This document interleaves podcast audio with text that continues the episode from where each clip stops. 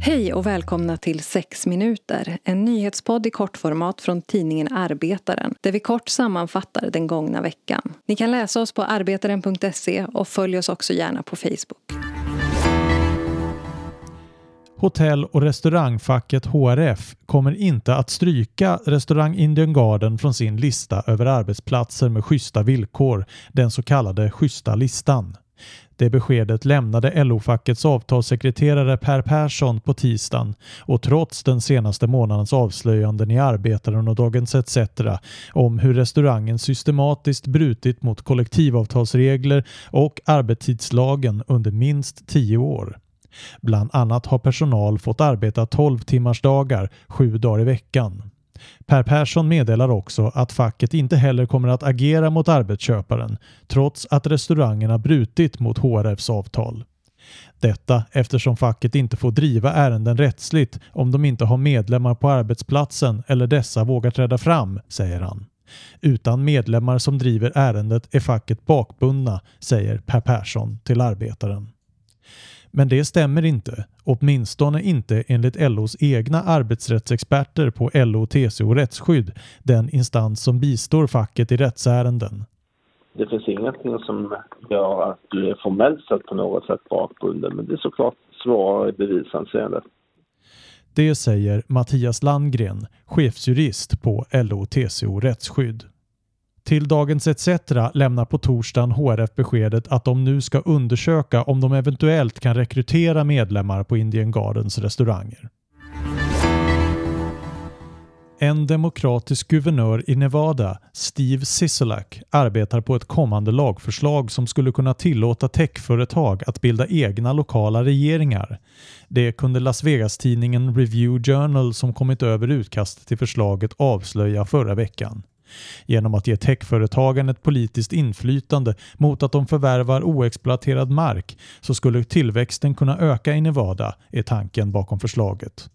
Techbolag som till exempel Tesla, som tidigare lockats till Nevada genom skattelättnader, skulle nu istället genom stora landinköp kunna få inflytande över det egna området med egen lokal regering med beskattningsrätt. Utkastet innehåller uttalanden som att traditionella regeringar ensamma är citat otillräckliga slutcitat när det kommer till att tillhandahålla resurser som lockar till sig techbolagen. I utkastet står vidare att denna citat alternativa form av lokal regering slutcitat behövs för att skapa ekonomisk utveckling i delstaten. En topp-VD på ett svenskt företag tjänar hela 80 gånger så mycket som den som städar när cheferna gått hem. LOs årliga rapport Makteliten visar på fortsatt skyhöga inkomstskillnader mellan toppchefer och övriga anställda. Löneskillnaderna mellan de som har det bäst ställt och en vanlig arbetare har ökat kraftigt sedan 1980-talet. För att minska glappet föreslår nu LO en rad åtgärder. Bland annat vill man att värnskatten återinförs för alla som tjänar över en miljon kronor om året samt att alla kapitalinkomster beskattas med 35 procent.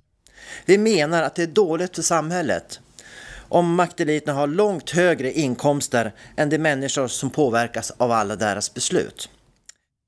Det sa LOs ordförande Susanna Gideonsson när rapporten presenterades på onsdagen. Protesterna mot förra veckans militärkupp i Myanmar fortsätter. Efter helgens demonstration gick tiotusentals arbetare under måndagen ut i en landsomfattande strejk. Polis mötte de strejkande med vattenkanoner och statskontrollerad TV varnade människor för att ansluta sig till de växande protesterna. Trots detta har både demonstranter och strejkande än så länge agerat fredligt enligt brittiska BBC. Osäkerheten för vad som kommer att hända om protesterna mot den sittande militärjuntan fortsätter är dock stor. Militären själva har efter kuppen förra måndagen sagt att de kommer att hålla demokratiska val i landet, men först efter det utlysta undantagstillståndet som är planerat till minst ett år. Och nu lämnar vi sista ordet till Annie Hellqvist, tillförordnad chefredaktör på tidningen Arbetaren. Den nya sociala medieappen Clubhouse har hypat stort de senaste veckorna och influencers, PR och mediamänniskor har flockats i det exklusiva rummet som alltså utgör ett röstbaserat socialt nätverk där samtalet ska stå i fokus. Även politisk vänsterdiskussion har flyttat in på appen i ett svårt anfall av FOMO, fear of missing out. Vänsterledaren Nooshi Dadgostar hade en frågestund på den nya appen i veckan. Visst ska även vänstern finnas där människor samlas och samtal sker. Men man kan fundera över varför man ska samlas på en plats där hypen bygger på exklusivitet. För att få vara med krävs inte bara att du har en vän på insidan utan också att du har en iPhone. Andra mobiler kan inte ladda ner appen. Och som alla sociala nätverk sprungna ur Silicon Valley har Clubhouse stora integritetsproblem. För att gå med krävs att man laddar upp sin mobils adressbok. Utifrån kontakterna byggs det även skuggprofiler av personer som inte har gått med.